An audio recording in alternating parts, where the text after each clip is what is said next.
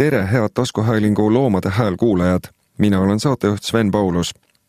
täna on kahekümne üheksas november ehk päev, mida mõnel pool maailmas tähistatakse karusnahavaba reedena. sestap ei saa ka meie tänases saates sellest teemast mööda õige pea vestleme kodumõise kosmeetikafirma Lumi algatusest, mis toetab loomust karusloomafarmide keelustamisel seejärel aga räägime taimetoidumessil esinenud USA Humane Society moepoliitika juhi BJ Smithiga sellest, millised on globaalsed ja regionaalsed arengud karusloomade teemal. ja ütlen ära, et siinkohal on kohati tegemist igati rõõmustavate arengutega. soovin teile head kuulamist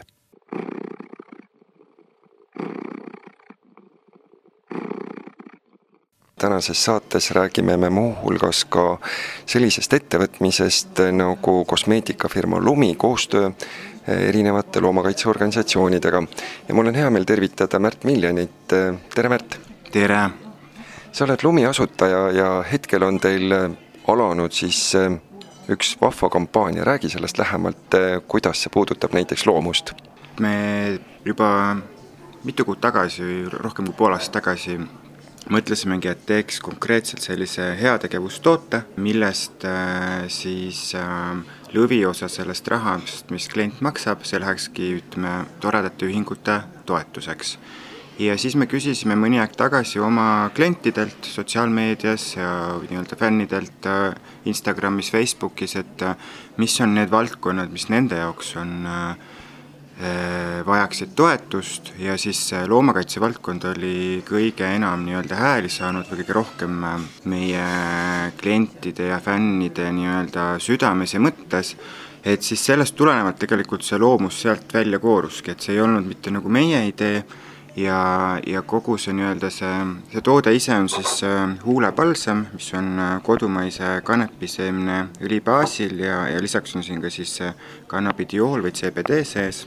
selline toode ja idee on äh, lihtne, et et kindla perioodi tagant seda toetuse saajat vahetada ja et see oleks kogu aeg selline nagu grassroot äh, või selline rohu, rohujuure tasandilt tulnud äh, ideede baasilt, et meie kliendid ise, ise soovitavad, et mis nendele on südamelähedane. alguses me mõtlesime, et, ähm, et teeks ise, mis meile nagu meeldiks, heategevus, siin meil kõigil on äh, või noh, mitmel töötajal on äh, isa surnud vähki, siis mõtlesime vähi toetamise peale, aga siis ikkagi arvasime, et mõistlik on klientide jaoks käest küsida, mis nende jaoks kõige olulisem on ja, ja siis see toetuse saamise periood on pool aastat, et poole aasta pärast äh, valiksime kellegi teise. et hetkel sai Loomakaitse ja Loomus ja see on selline päris suur organisatsioon ja tuntud organisatsioon, aga me arvame ja loodame, et äkki järgmine kord on hoopis midagi pisemat ja väiksemat, kes võib-olla vajaks seda toetust äh, veelgi enam. et äh, selline on nagu taustalugu. ja huulepalsam ise on väga-väga hea huulepalsam ja esialgu plaanime seda müüa oma e-poes, me tahtsimegi lansseerida lihtsalt täna, kui on suur see tarbimispüha Black Friday, et äh, meie Lumis selle vastu protesteerime või sellise arutu ostlemise vastu, et me panime oma e-poe kinni ka tänaseks, et kui minna e-poe aadressile, siis seal ongi üks plagu, mis teavitab seda, et pood on kinni.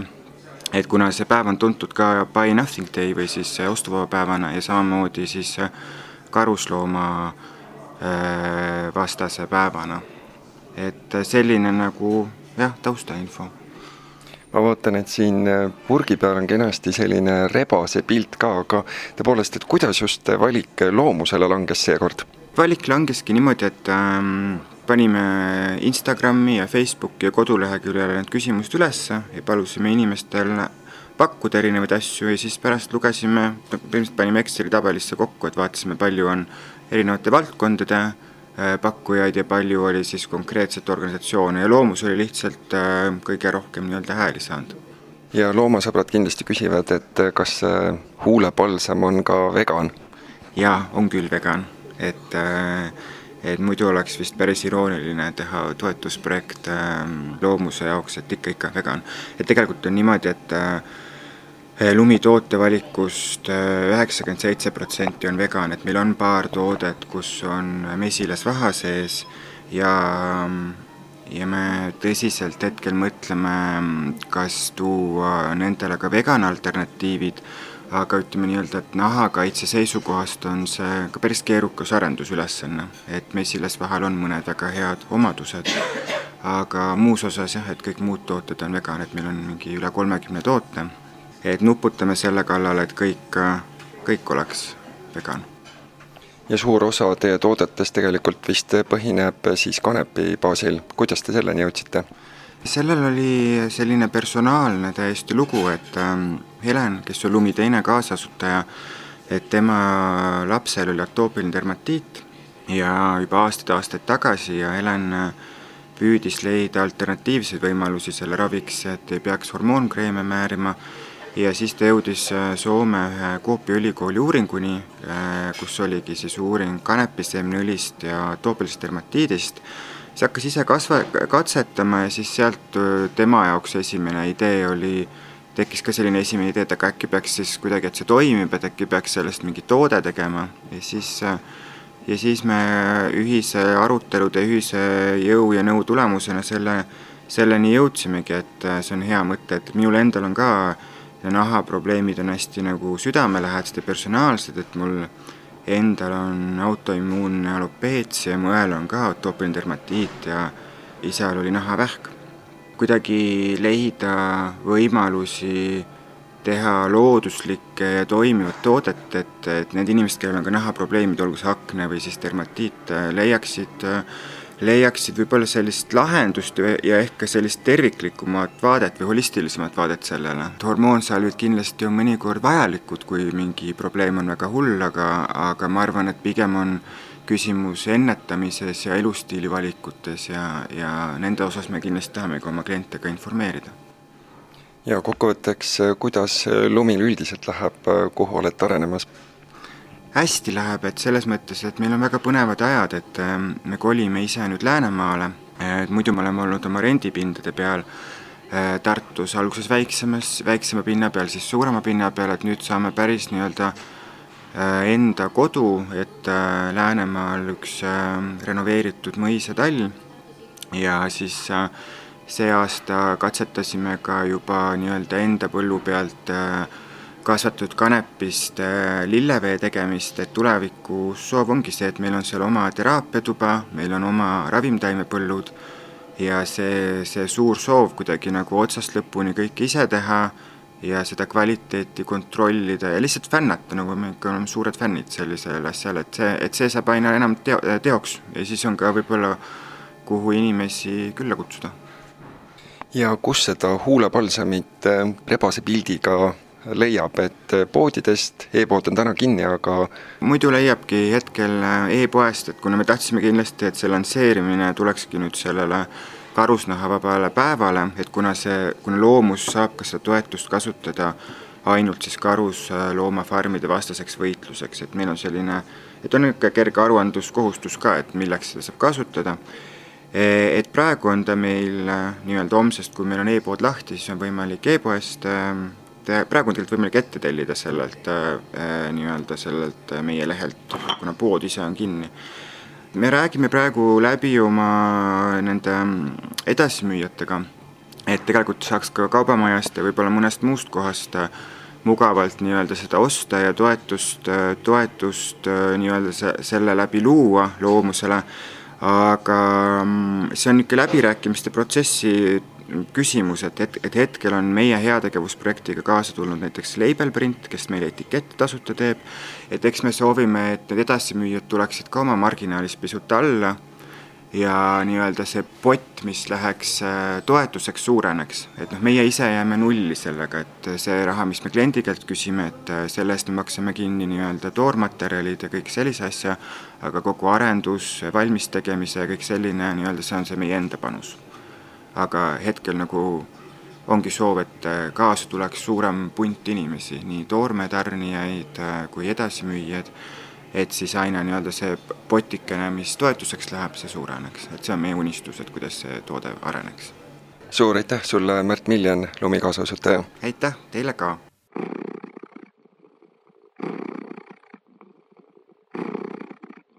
Jätkame juttu karusloomafarmide teemal BJ Smithiga, kes on USA Humane Society moepoliitika juht ja veennud isiklikult paljusid moeettevõtjaid karusnaha kasutamisest loobuma. So hello BJ, welcome to Tallinn. Thank you so much, it's an honor to be here. Um, this is my my first time at the Estonian Veg Fest, and it's it's absolutely amazing to see all the people that are here supporting uh, animal rights and and all the companies that are advancing um, different products that are, are good for animals. Um, it's truly an honor, and I, I, it was wonderful to be able to speak um, with everybody as well. What are your first impressions uh, after the lecture? Were people active? Uh, did they want to know different aspects? Yeah, it was. People came up and they they were very appreciative of of the work that's happening to end the fur trade around the world. Um, again, it's there's a part of this uh, festival that had a room that was dedicated to um, vegan fashion and some of it was just amazing that they had they had shoes that were made out of pineapple leather um, and other materials like that. So it shows that these these innovative products um, are are around the world that you can find them. And uh, I, it was really great to be able to speak with everybody and, and tell them, hopefully, get them excited about what's happening next because this is just going to be bigger and bigger. Before we go on with uh, fur uh, policies in different countries, uh, maybe you could uh, tell your background. How did you get involved into the animal rights movement? So I grew up vegetarian. My mom worked or lived on a farm in Ohio, so rural rural Ohio, and she loved this one cow that she helped raise. And when my grandpa told her that that cow was going to go to slaughter, she she became a vegetarian very quickly, and she raised my two sisters and I vegetarian as well. So it was always ingrained in, in who we were growing up. Um, but I remember the first time I, I moved after college, I moved to Portland, Oregon. And I remember I was walking down the street one day, and someone handed me a flyer. It was a fur free flyer because um, there was a furrier that was downtown Portland. And uh, it was my first experience of, of seeing the horror that, that happens on fur farms um, across the world. And at that point, I, I, was becoming vegan, and I knew that I cared about animal uh, welfare, and so I, I kind of I went to school for journalism, but I, I realized that I wanted to do something that mattered um, to change the world, and so I, I, started getting more involved, and and thankfully I landed in a place that I never thought I would, uh, working on with fashion companies. But I'm really happy I did, and uh, to see the change that's happened in such a short amount of time is nothing short than remarkable. If you could uh, describe uh, this change in uh, United States, uh, it has been really quick, and uh, we know really many brands, big names, who have uh, said that they are not going to use fur anymore. How did this happen? how much work you and your colleagues had to do?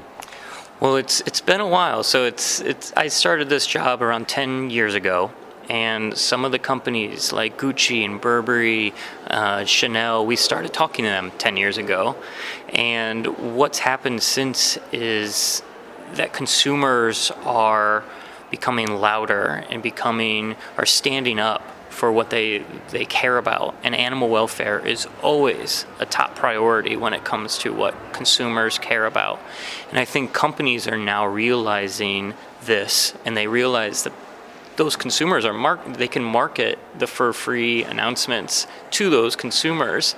And that's why you're seeing all these policies being announced on Instagram and on Twitter and they're getting huge positive feedback for the companies and I think that that makes them more likely to want to do more for animals moving forward. So that's why we're seeing companies like Chanel now doing exotic skin bands and I think that all while this is happening um, innovative materials are becoming more and more prominent, and a lot of money is finally going into making these alternatives, not just sustainable, but um, to the point where you can't tell the difference between the re- real fur and faux fur.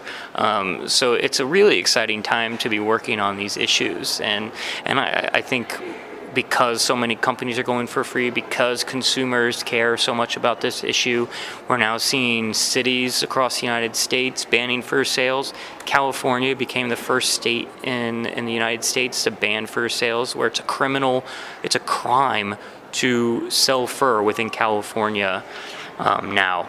And in Europe, we're seeing countries ban fur production left and right, and hopefully Estonia will be will be one of the next company or countries to do that. Uh, these are the good examples, but um, in some countries uh, there are like really, really bad examples. Uh, for example, China.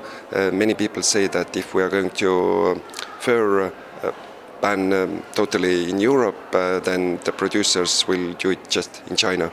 Yeah, so China is has always been an issue because they are the top producers of fur around the world and the top buyers of fur around the world. But I am optimistic um, because a simple thing like pet ownership is going up drastically in China. And so maybe there's a way that the Chinese consumer that has a dog that they care about or a cat that they really care about makes that connection from that and the fur jacket that they have. As well, China has always cared about the brands. They've always they've always been really proud of putting the big Gucci logo on bags, the big Chanel logo um, on jackets, and when these companies are announcing fur-free policies, um, it's huge news in China. And so it's a way to kind of change the way that maybe the Chinese consumer thinks about animal welfare when they see all these big brands doing it as well. Another thing to consider when talking about China is when they change, they change very, very quickly. And it, it's, it's quite drastic. And for instance, when the government in China was trying to crack down on government corruption, they banned all um, shark fin soup at government affairs. So no more huge conferences where they could serve shark fin soup. It's a very cruel um, product. And what ended up happening within a month of them doing that, shark fin um, consumption dropped by 75% in a matter of months. And that's just because the Chinese government said no.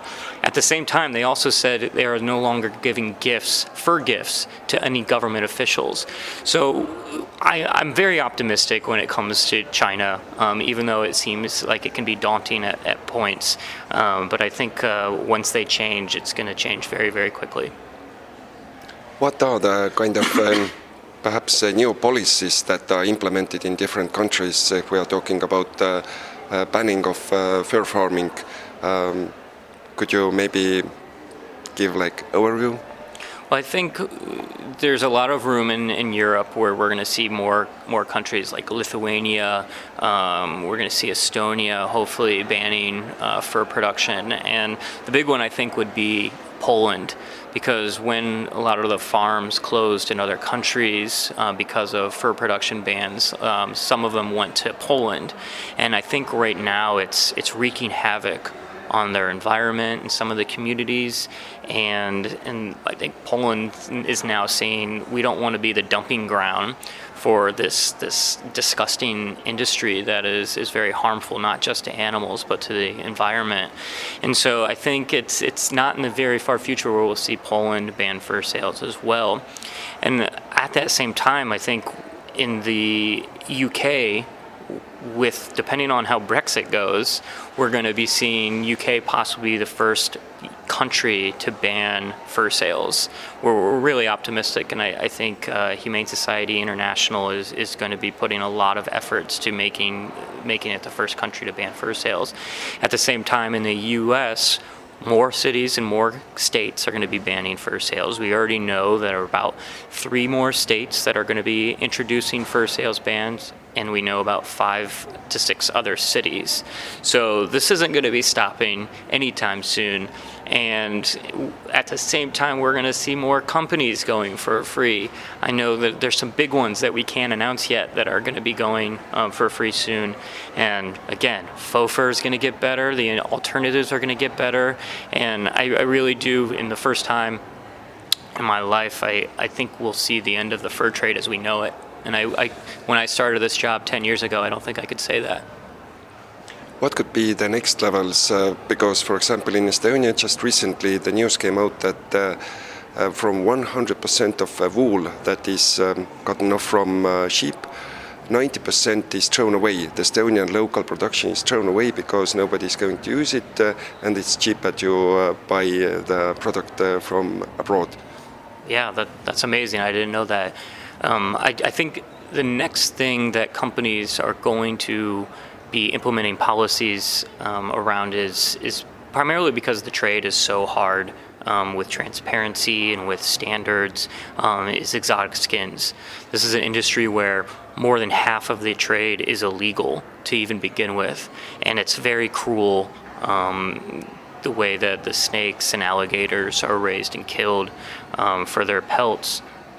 So I think that that's going to be the next step, and we've already seen companies like Chanel and Selfridges implement bans on exotic skins, and I, I um, California has already banned um, python, alligator, and crocodile pelts as well. So we already see that trend starting. It's it's important to realize where we are with alternatives as well. Um, for instance, leather is always an interesting topic um, especially amongst consumers. And I think we're very close to innovative technology where we're growing fur in labs or we're having plant based alternatives that are just as good, either from mushrooms or pineapples or, or grapes, um, where the material is, is just as good as the real thing. And when we get to that point and companies realize that, it's, it's going to be um, a very fast change for them to bring in some of these alternatives because, I mean, leather is very detrimental to the environment. We're seeing fires in the Amazon because of clearing the, the fields for um, beef and, and leather production. And exotic skins i think is, is, is next followed by down because down alternatives are getting better. They're biodegradable now. And you even have companies like patagonia uh, telling them telling consumers that this material is keeps you warmer and it's lighter. We just have to retrain the consumer to thinking that some alternatives are, might be better than the, than like down feathers. So it, it's across the board. We're going to start seeing massive change, um, policies being implemented, and alternatives getting better. So it's it's a really exciting time to be um, working on this issue. If uh, we are going to talk about uh, perhaps a bit about veganism, how is it uh, in USA? Uh, in Estonia, it seems that it's really rising. Uh, very many new uh, vegan cafes, restaurants opened almost like monthly. How is it in in the states? Same. It's I live in Austin, Texas, so a lot of people don't think of Texas as being a very vegan-friendly city uh, or state, and um, we're known for barbecue, um, but there's two or three new vegan barbecue places that just opened in the last year. Um, right by my house, a new vegan cheese and wine shop just opened because they are able to do so so many amazing things with different um, nuts um, and making them just like cheese at this point. So that's Texas. Now, what's happening in Los Angeles and New York and all these other big cities is uh, it's getting bigger and bigger, and, and now and now you can find Impossible Burgers, which taste and look just like real burgers, being sold at Burger King. Our Subways um, now have the Beyond Meat meatballs and it's endless and it's it's a great time because I, I was born vegetarian and I remember what we had as an option when I was little. Um, they were usually like dry bricks that you would put ketchup on or some sort of sauce, and and now um, it's such a different world that we live in, um, where I can go pretty much anywhere and not just order a plate of vegetables, but I can order um, a veggie burger that is, is tastes just like the real thing. I'm told. Um, I've never had real uh, real meat, so um, the first time I had the Impossible Burger, I, remember tasting it and I was like, "What's that film around your mouth?" And they're like, "That's fat. That's the that's what it tastes like." And I was like, "Never tasted that before." And um, but now I think it's great and I, I love it. So um, I'm really excited. I'm like constantly trying new cheeses, trying new products, and they're coming out all the time. So it, I think that's happening across the world. Thank you so much for the interview. Thank you so much. It's really an honor to be here and, and see um, everything that Estonia, Tallinn is doing to um, make it an easier world for the vegetarians and the vegans um, across the country. So thank you.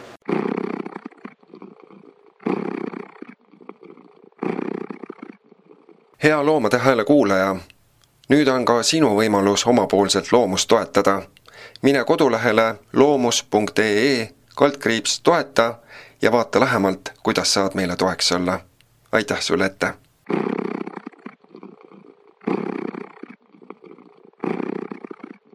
selline sai tänane saade, Sven Paulus tänab kuulamast, jääge mõnusaks ja sõbralikuks!